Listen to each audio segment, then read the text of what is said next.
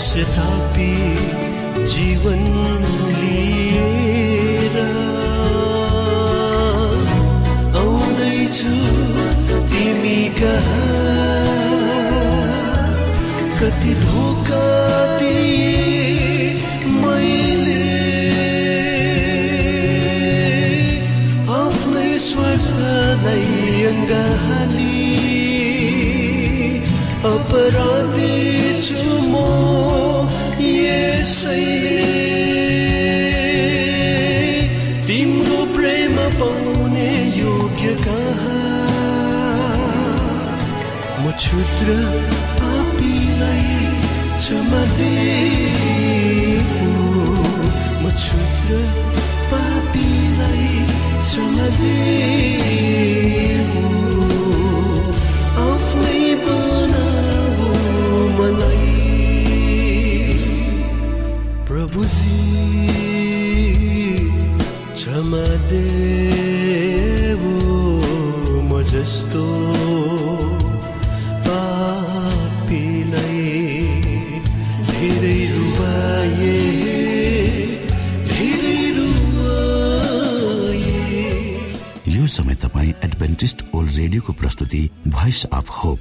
आशाको बाणी कार्यक्रम सुन्दै हुनुहुन्छ।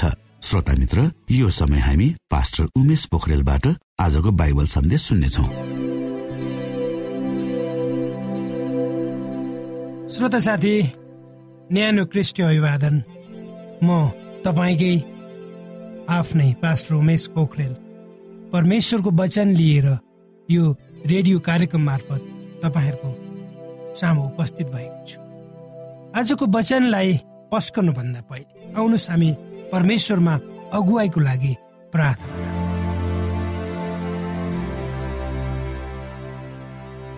जीवी जिउँदो महान दयालु परमेश्वर प्रभु यीशु हामी धन्यवादी छौँ। यो रेडियो कार्यक्रम।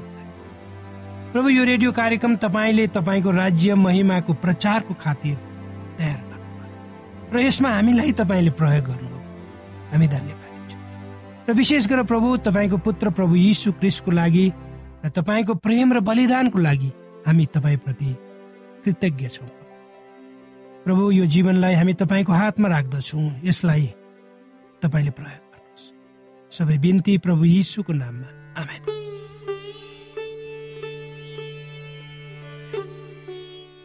श्रोता साथी आजको युगका मानिसहरू अर्थात् तपाईँ हामी दुई किसिमको जीवन जिउँछौँ। मानव तपाईँसँग दुई जोर सुट वा दौरा सुरुवालहरू छन्। एक जोर तपाईँ आफ्नो धार्मिक कामको निम्ति लगाउनुहुन्छ भने अर्को जोर आफ्नो दैनिक जीवन निर्वाह गर्नको लागि लगाउनुहुन्छ।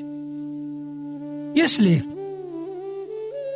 मानिसहरू दुई किसिमको मूल्य र मान्यताद्वारा आफ्नो जीवनलाई अगाडि बढाउँछन् भन्ने भान दिन्छ र हामी देख्न पनि सक्दछौँ। एउटा धार्मिक र अर्को व्यापारिक वा व्यावहारिक। जसरी मानिसले आफ्नो धार्मिक जसरी मानिसले आफ्ना लुगाहरू परिवर्तन गर्छ त्यसै गरी उसले आफ्ना मूल्य र मान्यताहरूलाई पनि परिवर्तन गर्दछ। यो कुरामा तपाईँ हामी करिब करिब सबै सहमत नै हुनुपर्ने जस्तो मलाई लाग्छ। यो मानिसहरूले यो कुरा मानिसहरूले हुन सक्छ वा तपाईँ हामीले हाम्रो धार्मिक जीवन र हाम्रो व्यावसायिक वा व्यावहारिक जीवनको सम्बन्धलाई नबुझेर यसो गरेका होलौ कि जस्तो मलाई लाग्छ मलाई याद आउँछ जब म सानो थिएँ त्यति बेला गाउँघरमा कोही ठुला ठुला मान्छेहरू मभन्दा गाउँघरमा मेरो बुवाका समानका उमेर भएका मान्छेहरू ससुराली जानु पर्यो भने। कोट। अर्को मान्छेसँग यदि आफूसँग छैन भने कोट मागेर कोट लगाएर ससुराली जाने चलन।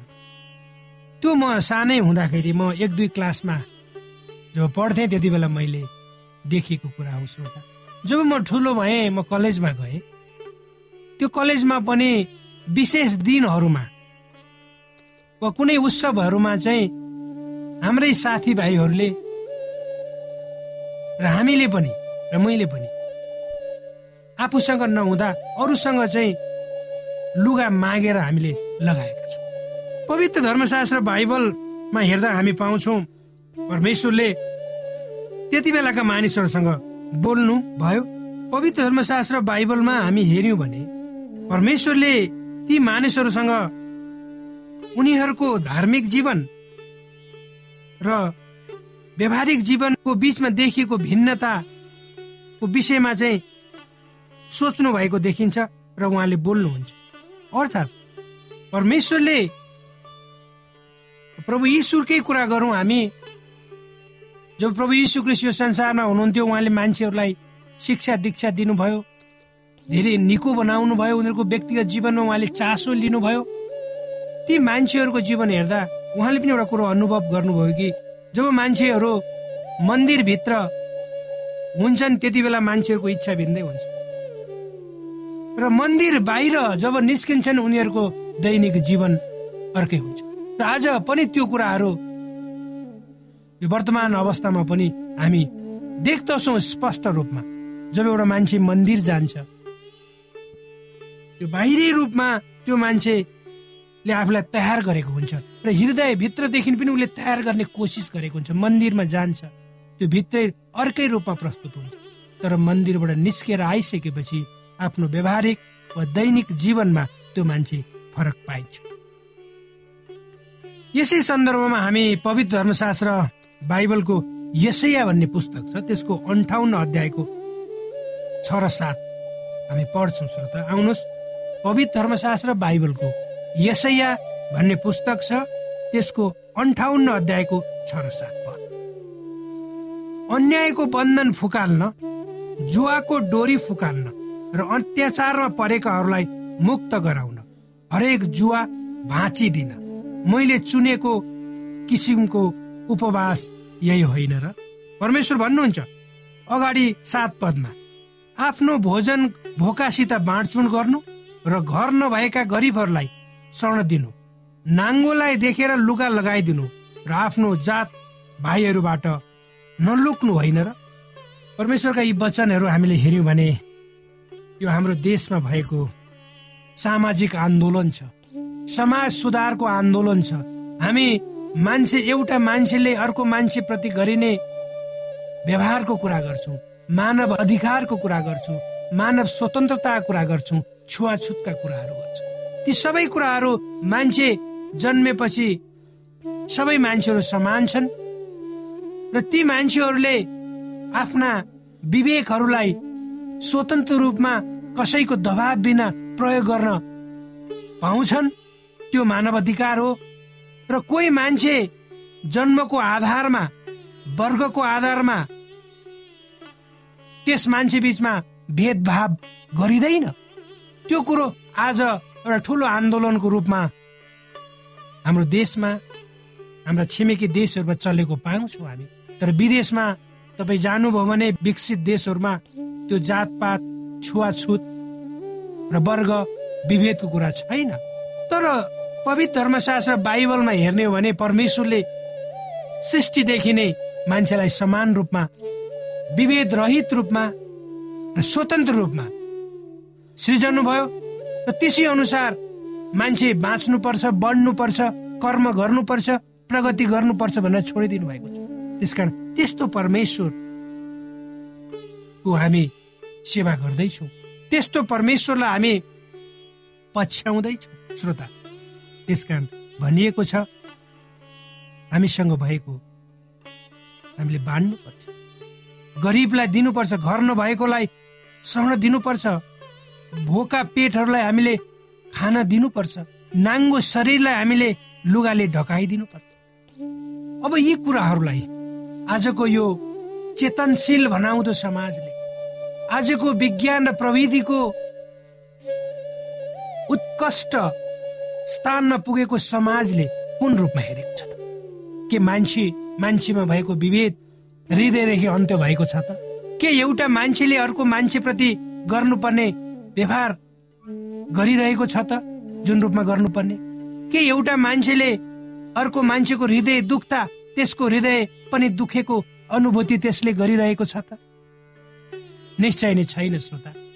किनभने परमेश्वरले जुन रूपमा यो संसारलाई सृष्टि गर्नुभयो जुन उद्देश्य प्राप्तिको लागि र जसरी यो संसार अगाडि बढोस् भन्ने चाहनुभयो यो संसारका मान्छेहरू तर सैतानले मान्छेहरूको दिमागमा पकड जमायो। आज मान्छेहरू संसारको लालसा वा संसारप्रति नै दिन रात लागिरहेको हामी पाउँछौँ। परमेश्वरलाई भन्दा पनि मान्छेहरू संसारलाई प्रेम गरिरहेका छन् संसारमा टाँसिरहेका छन्। त्यसै कारण आज हामी संसारमा चाहिँ अन्यायहरू अत्याचारहरू मान्छेहरूमा विभेदहरू मान्छेमा चाहिँ यो विभिन्न किसिमको चाहिँ अस्वस्थ प्रतिस्पर्धाहरू यी सबै कुराहरू।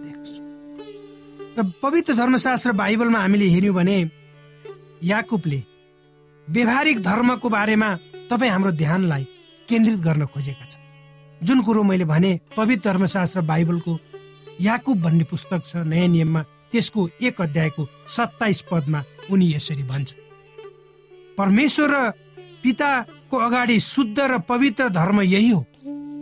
अनाथ र विधवाहरूलाई तिनीहरूको कष्टमा हेरचाह गर्नु र आफूलाई संसारबाट निष्कलङ्क स्पष्ट रूपमा यहाँ भन्नुहुन्छ।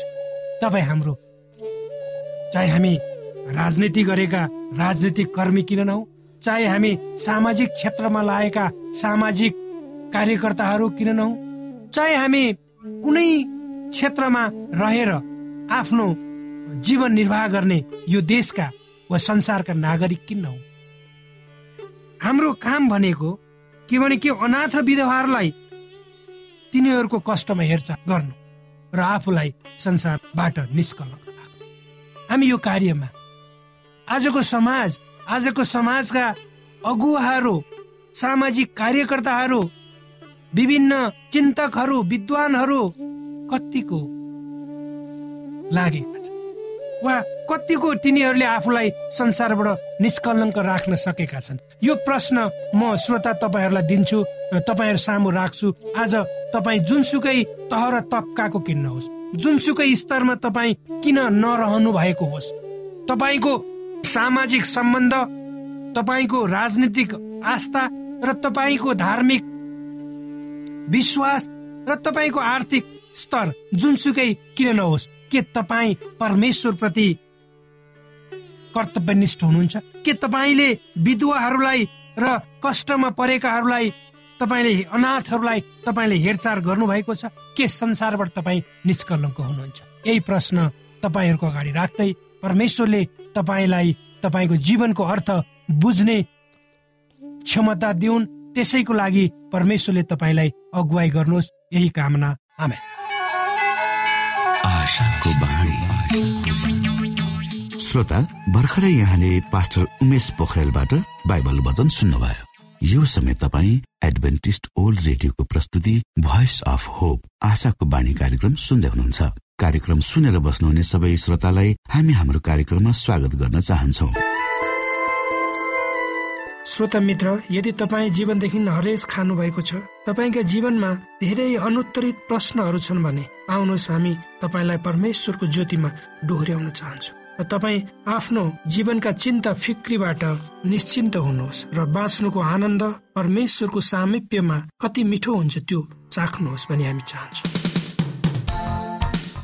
श्रोता यदि तपाईँ आशाको बाणी कार्यक्रमलाई अनलाइन सुन्न चाहनुहुन्छ वा डाउनलोड गर्न चाहनुहुन्छ भने डब्लु डट डट ओआरजीमा जानुहोस्। त्यहाँ तपाईँले प्रत्येक दिनको कार्यक्रम सुन्न र डाउनलोड गर्न सक्नुहुनेछ। हाम्रो वेब पेज यस प्रकार छ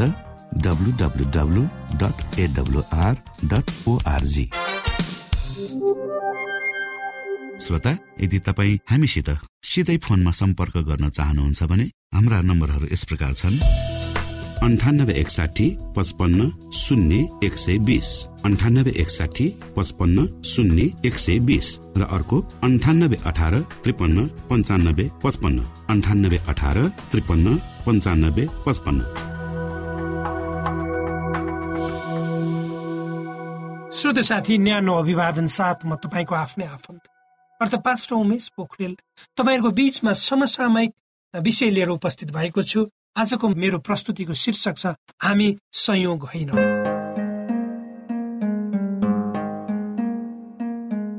श्रोता हाम्रो वरिपरि भएका प्राय सबै मानिसहरू व्यस्त हुन्छ बिहान सबेर उठेदेखि राति अबेला नसुतेसम्म कुनै न कुनै काममा व्यस्त भएका हुन्छ कतिपय मानिसहरू यति व्यस्त हुन्छन् कि पुरै नगर। कुनै काम परेको खण्डमा सयचोटि फोन गर्दा बल्ल बल्ल त्यो पनि एकछिनको लागि मात्र उपलब्ध भइदिन्छ। काम गर्नु आफैमा नराम्रो कुरो होइन। अथवा त्यत्तिकै फुर्सदिलो भएर बस्नुभन्दा काम गरेकै राम्रो हो तर काम गर्ने बाहनामा आफूलाई बेसरी गोट्नु पनि राम्रो होइन श्रोता। श्रोता तपाईँले कुनै एकजना व्यस्त मान्छेलाई भेटेर तपाईँ किन जति बेला पनि व्यस्त हुनुहुन्छ भनेर प्रश्न गर्नुभयो भने मेरो आफ्नै परिवार छ जसको मैले पालन पोषण गर्नुपर्छ उचित रेखदेख गर्नुपर्छ जसको निम्ति मैले काम गर्नुपर्छ तसर्थ म प्राय व्यस्त हुन्छु। भन्ने जवाब तपाईँले पाउन सक्नुहुन्छ। तर के श्रोता हामी यस संसारमा केवल आफ्नै तथा परिवारको आवश्यकता पूरा गर्नको लागि मात्र छौँ त? अवश्य होइन। हामी यस संसारमा एउटा योजनाका कारण छौँ। हामी कोही पनि यस संसारमा संयोग बस आइपुगेका होइन। यहाँ धेरै मानिसहरू छन् जसले आफूलाई सहयोग ठान्दछन्। पढ्नु जागिर खानु अनि परिवार बसाल्नुलाई आफ्नो जीवनको लक्ष्य ठान्दछ तर यी कुराहरू त हामी संसारमा रहँदा मात्रै हुन्छन्। यी कुराहरू भन्दा माथि उठेर जब तपाईँले यस संसारमा किन र के को लागि छु भनी खोज्नुभयो भने तपाईँले थाहा पाउनुहुन्छ। पवित्र धर्मशास्त्र बाइबलको भजन सङ्ग्रह भन्ने पुस्तकको एक सय उन्चालिस अध्यायको तेह्र पदमा दाउद राजा भन्छन् तपाईँले नै मेरा अङ्ग प्रत्यङ्ग बनाउनु भयो र तपाईँले मलाई मेरो मेरी आमाको गर्वमा रच्नुभयो। अर्थात् हामी हरेकलाई परमेश्वरले यस संसारमा उहाँकै इच्छा र योजना अनुरूप बनाउनु भएको। हामी कोही पनि यहाँ संयोगमा आएका होइनौँ र त्यसै आएका होइनौँ। हामी हरेकलाई परमेश्वरले प्रेम गर्नुहुन्छ र हामीले पनि उहाँलाई प्रेम गरेको उहाँ चाहनुहुन्छ। हामीलाई यस संसारमा परमेश्वरले उहाँको असल योजना अनुसार जीवन जिएको चाहनुहुन्छ जसको खोजी तपाईँ र मैले गर्नुपर्छ। पवित्र धर्मशास्त्र बाइबलको यौना दस अध्यायको दस पदमा यसुले भन्नुभयो मैले त तिमीहरूको तिमीहरूले जीवन पाउन् र त्यो जीवन प्रशस्त मात्रामा पाउन् भन्ने हेतुले आए। अर्थात् परमेश्वरले आफ्नो पुत्र यसुलाई यस संसार मानिसहरूले उहाँद्वारा प्रशस्तताको जीवन प्राप्त गर्न सकुन् भन्ने उद्देश्यका साथ पठाउ तर आज मानिसहरूमा यसुले भन्नुभए जस्तै प्रशस्तताको जीवन छैन किनभने परमेश्वरले जुन असल योजना र उद्देश्यका साथ मानिसहरूलाई यस संसारमा राख्नु भएको छ त्यसको खोजी मानिसहरूले गरेकै पाइँदैन। श्रोता हाम्रो जीवनमा परमेश्वरको उदयको प्रेम र योजनालाई हामी यसुद्वारा थाहा गर्न सक्छौँ। किनभने यसु बाटो सत्य र जीवन हुनुहुन्छ। यसरी हामीले आफ्नो जीवनमा परमेश्वरको इच्छा र योजनालाई बुझेर उहाँलाई महिमा दिनु आवश्यक छ। जसरी भजन सङ्ग्रह एक सय उन्चालिस अध्यायको चौध पदमा दाउद भन्नुहुन्छ म तपाईँको प्रशंसा गर्छु किनकि म भयानक र अद्भुत रीतिले बनाइएको छु। तपाईँका कार्यहरू अद्भुत छन् र यो कुरा म पूर्ण रूपले जान्छु। श्रोता जसरी राजा दाउदले परमेश्वरले कसरी उहाँलाई सृष्टि गर्नुभयो त्यसको विषयमा वर्णन गर्छन् र महसुस गरेका छन् त्यो कुरो तपाईँ हामीले पनि महसुस गर्नुपर्छ। हामी यहाँ सहयोगले मात्र आएका होइनौँ। एउटा योजना अनुसार हामी यो संसारमा छौँ। त्यसकारण त्यही योजनालाई पुरा गर्नको लागि त्यो लक्ष्यमा हामी पुग्नको लागि हामीले आफ्नो आफूलाई केन्द्रित गर्नुपर्छ र त्यसै अनुसार हामीले हिँड्नुपर्छ।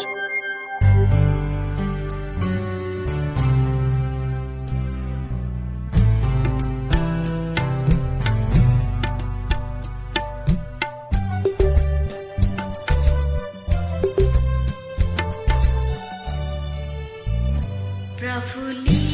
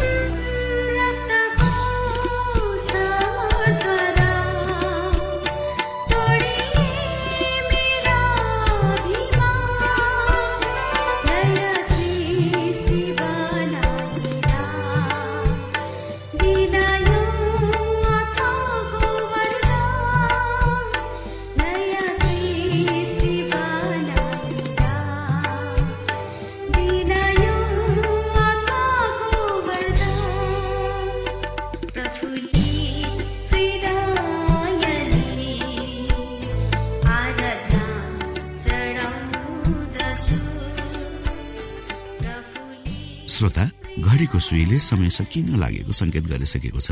हाम्रो ठेगानाको बारेमा यहाँलाई जानकारी गरौं। आशाको बाणी पोस्ट बक्स नम्बर दुई शून्य शून्य शून्य दुई काठमाडौँ नेपाल। यसै गरी श्रोता यदि तपाईँ हामीसित सिधै फोनमा सम्पर्क गर्न चाहनुहुन्छ भने हाम्रा नम्बरहरू यस प्रकार छन्। अन्ठानब्बे एकसाठी पचपन्न शून्य एक सय बिस। अन्ठानब्बे एकसाठी पचपन्न शून्य एक सय बिस र अर्को अन्ठानब्बे अठार त्रिपन्न पन्चानब्बे पचपन्न। अन्ठानब्बे अठार त्रिपन्न पन्चानब्बे पचपन्न। हवस् त श्रोता हाम्रो कार्यक्रम सुनिदिनु भएकोमा एकचोटि फेरि यहाँलाई धन्यवाद दिँदै भोलि फेरि यही स्टेशन र यही समयमा भेट्ने बाजा गर्दै प्राविधिक साथी राजेश र पास्टर उमेश पोखरेल र कार्यक्रम प्रस्तुता म रवि यहाँसँग विदा माग्दछौ। परमेश्वरले तपाईँलाई धेरै धेरै आशिष दिनु भएको होस्। नमस्कार।